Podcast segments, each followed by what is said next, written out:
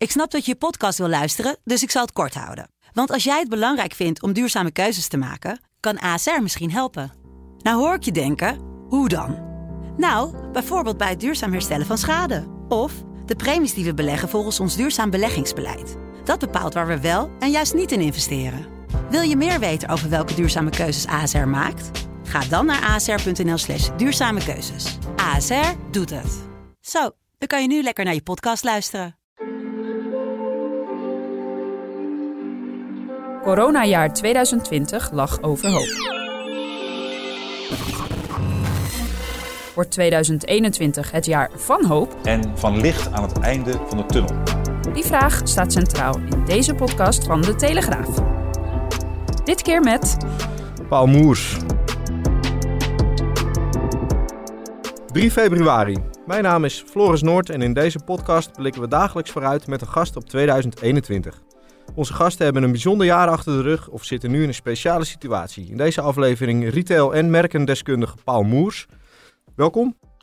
Ja, dank je. Eh, ja, de afgelopen dagen is er, een, eh, is er een nieuwe term aan ons corona-vocabulaire toegevoegd. Click and collect. Laten we even luisteren wat Mark Rutte daar gisteravond over zei. En een van de opties die daarbij steeds op tafel kwam, was het zogeheten click and collect. Zoals dat in veel andere landen bestaat. Ofwel in goed Nederlands bestellen en afhalen. Ja, click and collect eh, dus. Is dit nu de reddingsboei die de, die de detailhandel nodig heeft? Nee, absoluut niet. Dit is een eh, doekje voor het bloeden. Dit slaat echt helemaal nergens op. Kijk, de winkels die al geen eh, online hebben, die hebben hier natuurlijk helemaal geen voordeel van. Want wat moet je bestellen? En de winkels die het wel hebben, ja, is maar de vraag of ze er belang bij hebben dat de klanten naar een winkel komen. Kijk, een zeeman die klaagt over de die de bezorging kost. Hè? En eh, dan kun je je iets voorstellen dat het voor een zeeman misschien handig zou zijn als mensen af en toe dat opkomen halen. Maar wat ik eigenlijk veel erger vind is.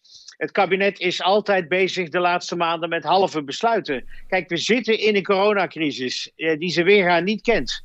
Er komt een Engelse variant aan. Ja. Het is dan toch veel beter om even keihard door te pakken. En te zorgen dat we van die ellende af zijn straks met vaccineren. En dat we zeg maar rond eh, juni, juli vol gas met die winkels er tegenaan kunnen. Ja, nou, u, je zou eigenlijk denken van nou, dit is een kleine geste richting de, richting de winkeliers. Maar u zegt eigenlijk gewoon helemaal niet doen en dicht houden, zodat we het zo snel mogelijk achter de rug hebben. Ja, gewoon dicht houden, want eh, die kleine gesten gaat het verschil in de winkelstraten niet maken. En het Nee. tweede is, je gaat weer beweging van mensen creëren. En dat is nou net wat je niet wilt. Zeker niet met een Engelse variant die alleen maar besmettelijker is. Dus dit is eh, ja, toch weer een voorbeeld van dat halfzachte beleid van het kabinet. En je ziet het, we gaan van golf naar golf naar golf. En doe dan de Duitse variant, dat je gewoon duidelijkheid geeft. Dit gaan we doen, zo lang gaat het duren en anders is het niet. Dat is veel beter dan iedere keer weer even die touwtjes laten vieren. Dan wordt het weer een puinhoop en dan moeten we weer een strak beleid gaan neerzetten. Ja, zijn, eh, denken, denken de winkeliers er op dezelfde manier over eigenlijk? Of zijn er sommigen die wel blij zijn dat ze nu dit kunnen gaan doen? Er zullen altijd winkeliers eh, zijn eh, die hier blij mee zijn. Maar nogmaals, het verschil gaat het niet maken. Kijk, als jij een, eh, een overhemd gaat kopen in een winkel en ophalen, dan weet je nog steeds niet of het overhemd past. Kun je weer naar huis? Past het niet, kun je weer terug? Ja, dat is eigenlijk net zo ingewikkeld als gewoon online bestellen. En eventueel een pakje bij een, een postafgiftepunt afgeven. Dus Ja. nee, dit verschil is echt veel en veel te klein. Ja. Wat is eigenlijk al uitgewerkt hoe dat er precies uit moet komen te zien dan? Dat je iets bestelt en dan kan je het een uur later ophalen of twee uur later? Of hoe, hoe werkt dat dan eh, in de praktijk? Ja, dat is dan eh, het principe dat je naar de winkel toe gaat en dat daar dan een soort eh, afgeefluik is waar je het af kunt gaan, gaan halen. En ja, nogmaals, je moet dan eerst weten wat je wilt bestellen. Ik zie wel sommige winkeliers die maken al een heel online rondgang door een winkel. Dat vind ik dan wel grappig en creatief. Ja, Maar ja, dan nog is het toch heel lastig om te zeggen, nou dan wil ik dat en dat artikel. Krijg je daar weer discussie over. Ja, maar u wees rechts aan. Ja, maar het staat links. Nou, daar moet je allemaal niet aan denken. Maar hoe is, de, hoe is de stand van zaken momenteel in de winkelstraat? Ja, die is natuurlijk dramatisch. Hè? De- iedereen heeft medelijden met eh, winkeliers. Maar ja, wat is dan weer het gekke? Als je naar 2020 kijkt, dan is de totale detailhandel met zo'n 6% gegroeid. Dat is natuurlijk bizar. Ja, waar komt dat terecht? Bij al die online bedrijven. En bij de bedrijven die om die channel goed hebben neergezet. Kijk maar even naar de, de Bijkorf, die heeft dat briljant gedaan. Maar ook bedrijven als Amazon, Alibaba, Coolblue, Bol.com, Zalando, noem ze allemaal maar op. Ja. Ja. die hebben hier waanzinnig van geprofiteerd. En ja, in totaal die omzet in die detailhandel, want het is een belangrijk economisch eh, onderdeel, hè, eh, is zo'n 125 miljard. En we hebben op dit moment zo'n 86.000 fysieke winkels en zo'n 50.000 webwinkels. Ja, dat is ook niet niks. Ja, begrijp ik dus eigenlijk dat eh, het grote geld eh, stroomt ook naar de, naar de grote jongens. En eh, er blijft eigenlijk niet zoveel over dan voor die kleine ondernemer in de winkelstraat. Hebben die, die deze tijd die nu achter ons ligt ook wel, wel goed benut, zeg maar, om online zichtbaar te worden, om een goede webshop neer te Nou, zetten? dat is precies wat ze hadden moeten doen. Want kijk, als je dan even niks te doen hebt, dan zou mijn advies zijn: ga nou eens midden in die winkel zitten. En ga nou eens even serieus kijken hoe je winkel eruit ziet. Ja. En we hebben het allemaal over beleving. En als je dan in veel winkels komt, dan denk je nou, eh, dat is hier ver te zoeken. Heel veel winkels plempen alle spullen bovenop elkaar, ook te verschrikkelijk voor woorden. Dus ga nou eens naar die winkel kijken of de spullen allemaal in orde zijn, of er geen dingen kapot zijn. Schilder het eens eventjes eh, Ja. opnieuw. Dat hoeft allemaal geen enorme bedragen te kosten. En zet ook eens een keer, eh, bijvoorbeeld in paskamers. Waarom zijn er nog zoveel paskamers eh, waar niet eens een krukje staat? En eh, dat geldt, misschien is dat prettig voor ouderen, maar ook voor jongeren. Ik zag een paar maanden geleden in de paskamer, daar kwam een meisje dwars door het gordijn heen donderen. Eh, die probeerde een spijkerbroek die iets te strak zat aan te trekken. Ja, Ja. en geen krukje en bam, daar ga je. Dus Ja. ik zei ook tegen die winkelier, hoe krijg je dit nou toch voor elkaar, man? Dan, dan begrijp je helemaal niets van service. En dat is een volgend punt waar ze aan moeten gaan denken. Ik heb een boek geschreven eh, onlangs, eh, Fuck de prijs, leven de service. Waarin ik juist zeg van, ga nou niet iedere dag op die prijs zitten. Want dat is een, een wedstrijd die je niet gaat winnen. Maar ga nou eens kijken welke service-elementen je in je winkel kunt neerzetten. En dat is eigenlijk veel belangrijker. Ja, heeft u daar ook dan wel positieve voorbeelden van gezien de afgelopen periode? Creatieve dingen die er echt uitsprongen? Nou ja, eh, eh, eh, kijk, het meest creatief is natuurlijk de, de pak even de horeca. Want die zijn ineens, die wisten eerlijk gezegd tot voor verleden jaar niet dat thuisbezorg ook een mogelijkheid was. Heel veel restaurants hadden dat niet in de gaten. En die hebben dat nu opeens wel bedacht. En die denken, ik krijg nou wat. Ja. Eh, dat is heel handig om naast mijn gewone business dat te doen. Ehm, maar je hebt ook winkels die eindelijk met dat online gaan beginnen. En zeggen van nou ja, dat is toch eigenlijk wel belangrijk dat ik dat eh, neer ga zetten. Eh, er zijn winkels die eh, weer eens naar die inrichting gaan kijken. eh, en zeggen, kan dat anders? En ja, dan noem ik maar een voorbeeld.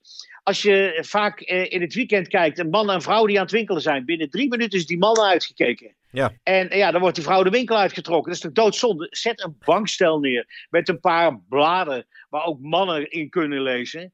Eh, geef ze desnoods een biertje van mijn part of een lekkere kop koffie. Maar hou ze in die winkel. Ja, Het is, dit zijn allemaal voorbeelden waarbij je dus extra service kunt leveren. Eh, bijvoorbeeld ook spullen innemen, eh, kleding innemen. Waarom moet dat altijd zo lang duren? En waarom gaat dat zo vaak fout? Probeer Ja. daar nou eens even tijd in te steken. nou ja, voordat dat weer allemaal kan, moeten natuurlijk überhaupt eerst die winkels maar weer eens open kunnen. Is er eigenlijk een, een vorm denkbaar dat winkels wel open zijn terwijl we met deze maatregelen eh, moeten leven? Of, of is dat nee, gewoon dat helemaal is heel niet mogelijk? ingewikkeld. Nee, dat is gewoon niet mogelijk. Eh, je ziet het aan de supermarkten, hè, waar mensen nu nas- massaal naartoe gaan. Want dat zijn natuurlijk de winnaars in deze, in deze markt. Met zo'n 45 miljard omzet.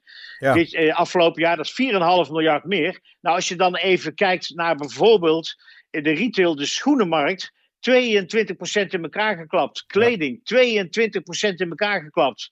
Ja, daar word je, niet, word je niet vrolijk van. Maar er zijn dus altijd winnaars. En dat geldt ook voor do-it-yourself. En dat geldt ook voor bijvoorbeeld woonwinkels. Dus er zijn wel winnaars tussen al die verliezers. Ja. Ehm, nou, die verliezers, u noemt ze al even, hè, de, de winterjassen, de schoenen. Wat moet er nou gebeuren met al die partijen die nu zijn overgebleven eigenlijk van de, van de wintermaanden? Gaat dat eh ja, voor het, laatste stuntprijzen weg? moet... Nee, het laatste, dat, dat is weer precies mijn boek Fuck de prijs, leven de service. Niet doen. Eh, waarom zou je gaan dumpen? Want als, kijk, het geld brandt in de zakken. We hebben 485 miljard euro Ja. op, de, op, de, op de bank staan. Dat is echt niet te geloven. Als deze eh, eh, crisis voorbij is, en ja, dat gaat nog een aantal maanden duren, maar die vaccinaties komen eraan. Ja. En dan gaan we weer los. En dan willen we met z'n allen ook geld uitgeven. Nou, dan moet je vooral niet gaan lopen dumpen. Dan moet je gewoon de hoofdprijs vragen. En je kunt heel veel kleding. Waarom zou je dat tegen de dumpprijs verkopen? Sla het gewoon tijdelijk op. En hang het, eh, de winterkleding volgend jaar in september, oktober gewoon weer in de rekken. Maar ga dat niet tegen dumpprijzen verkopen. Dat is Ja, maar- echt het stomste wat je nu kunt doen. Kan dat gewoon, zeg maar, de, de wintercollectie van 2020... eh, gewoon de wintercollectie van 2021 maken? Nou, in alle eerlijkheid, zie jij ik zou het niet zien. Nee, ik zou het niet zien hoor, maar ik heb er ook zeker geen verstand van. Nee, maar dat is voor heel veel mensen heel erg moeilijk. Kijk, als je op de allerlaatste trend zou zitten als winkel, dan is het nog een ander verhaal. Ja. Eh, maar de meeste winkels zitten natuurlijk op redelijk doorsnee. En dan kun je zowel in schoenen als in kleding, maar ook met huishoudelijke artikelen. Nou, er is geen enkel probleem om dat eh, gewoon in september, oktober gewoon weer opnieuw te verkopen. Nee, precies. En u denkt ook dat, dat de consument dan wel bereid is om daar gewoon weer de volle map eh, voor te betalen. Ik denk het wel, omdat die portemonnee zit natuurlijk vol. Kijk, we hebben natuurlijk, eh, de werkloosheid valt tot nu toe overigens mee. Dat gaat natuurlijk wel toenemen, want straks gaan er wel degelijk bedrijven omvallen. Maar Ja. degenen die werk hebben, die roepen eigenlijk allemaal, krijg nou wat, aan het eind van de maand heb ik zoveel geld over. Ehm, en dat is heel anders dan eh, vroeger, want eind van hun geld hadden ze altijd nog zoveel maand over. Dus het zit nu heel anders in elkaar. En dat geld moet je straks natuurlijk uit de zakken kloppen. Want mensen willen straks echt die winkelstraten weer, weer in. Ja. Die willen weer naar de horeca, die willen weer feest vieren. Ja, precies. De, de winkelstraat had het natuurlijk wel al moeilijk, ook voordat deze coronacrisis eh, Eerlijk is eerlijk. begon. Eerlijk is eerlijk. Eh, is, dit, is dit nu de genadeklap, denkt u? Nou ja, er zijn nog zo'n 86.000 winkels over. En daar gaan er zeker nog een stuk of eh 8.000 van omvallen. Daar ben ik van overtuigd. Ja, en dan krijg je dus compactere winkelstraten. Ja. En dan zul je dus in die winkelstraten aan die vernieuwing moeten beginnen. Dus dan moet je die service eh, heel erg veel beter neerzetten. Je moet die beleving eh, goed neerzetten. Je moet technologie gaan introduceren. Kijk naar H&M, hè.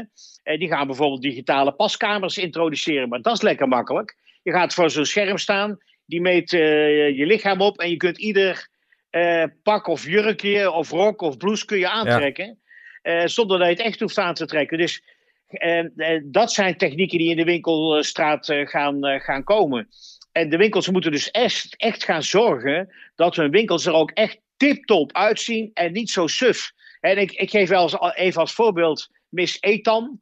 Ja, dat zou een keten die failliet is gegaan. Maar dan denk ik, ja, je Ja. vraagt er ook om. Als je voor die winkel staat, dan word je helemaal bedroefd. Springen de tranen in je ogen. Zo slecht zagen die winkels eruit. Kunt u dan nog een andere voorbeeld noemen van iemand die het, van een keten die het wel echt heel goed doet? Nou, de voorbeelden, eh, dat zijn natuurlijk op dit moment de supermarkten. Eh, dat is duidelijk, want die mogen open zijn. Eh, en de Bijkorf doet het eigenlijk ook goed, want ja, ondanks dat hun fysieke winkels gesloten zijn, weten zij massaal te profiteren van het online. En dat doen ze dan echt heel veel beter dan bijvoorbeeld een HEMA, die eigenlijk met dat online ongelooflijk laat begonnen is. En daar nu de nadelen van ondervindt. Maar een Bijkorf doet het gewoon, wat dat betreft, fantastisch. Ja. Nou, tot slot, dat is eigenlijk de vraag eh, die we aan iedereen stellen die in deze podcast te gast is. Eh, wat, is ja, wat is uw hoop voor 2021? Ja, mijn hoop is dat we die vaccinaties heel snel onder controle krijgen. En dat de EEG vooral professioneler die vaccinaties gaat inkopen. En dan moet je een supply chain manager bij hebben met echte contracten en geen inspanningscontracten. Dus ik hoop dat dat nu allemaal beter gaat en dat we vanaf eh, juli de zaak weer open kunnen gooien. Nog steeds met voorzichtigheid. Maar dat we vanaf juli weer echt eh, aan de bak eh, kunnen. Dat winkels en horeca weer open gaan. En dat we met z'n allen ervoor zorgen dat de consumenten daar ook flink veel geld gaan uitgeven. Eh, en dat gun ik die retailers en die horeca van harte. Goed, Paul Moers, retail- en merkendeskundige, dankjewel voor uw tijd. Graag gedaan. Morgen weer een nieuwe podcast over hoop.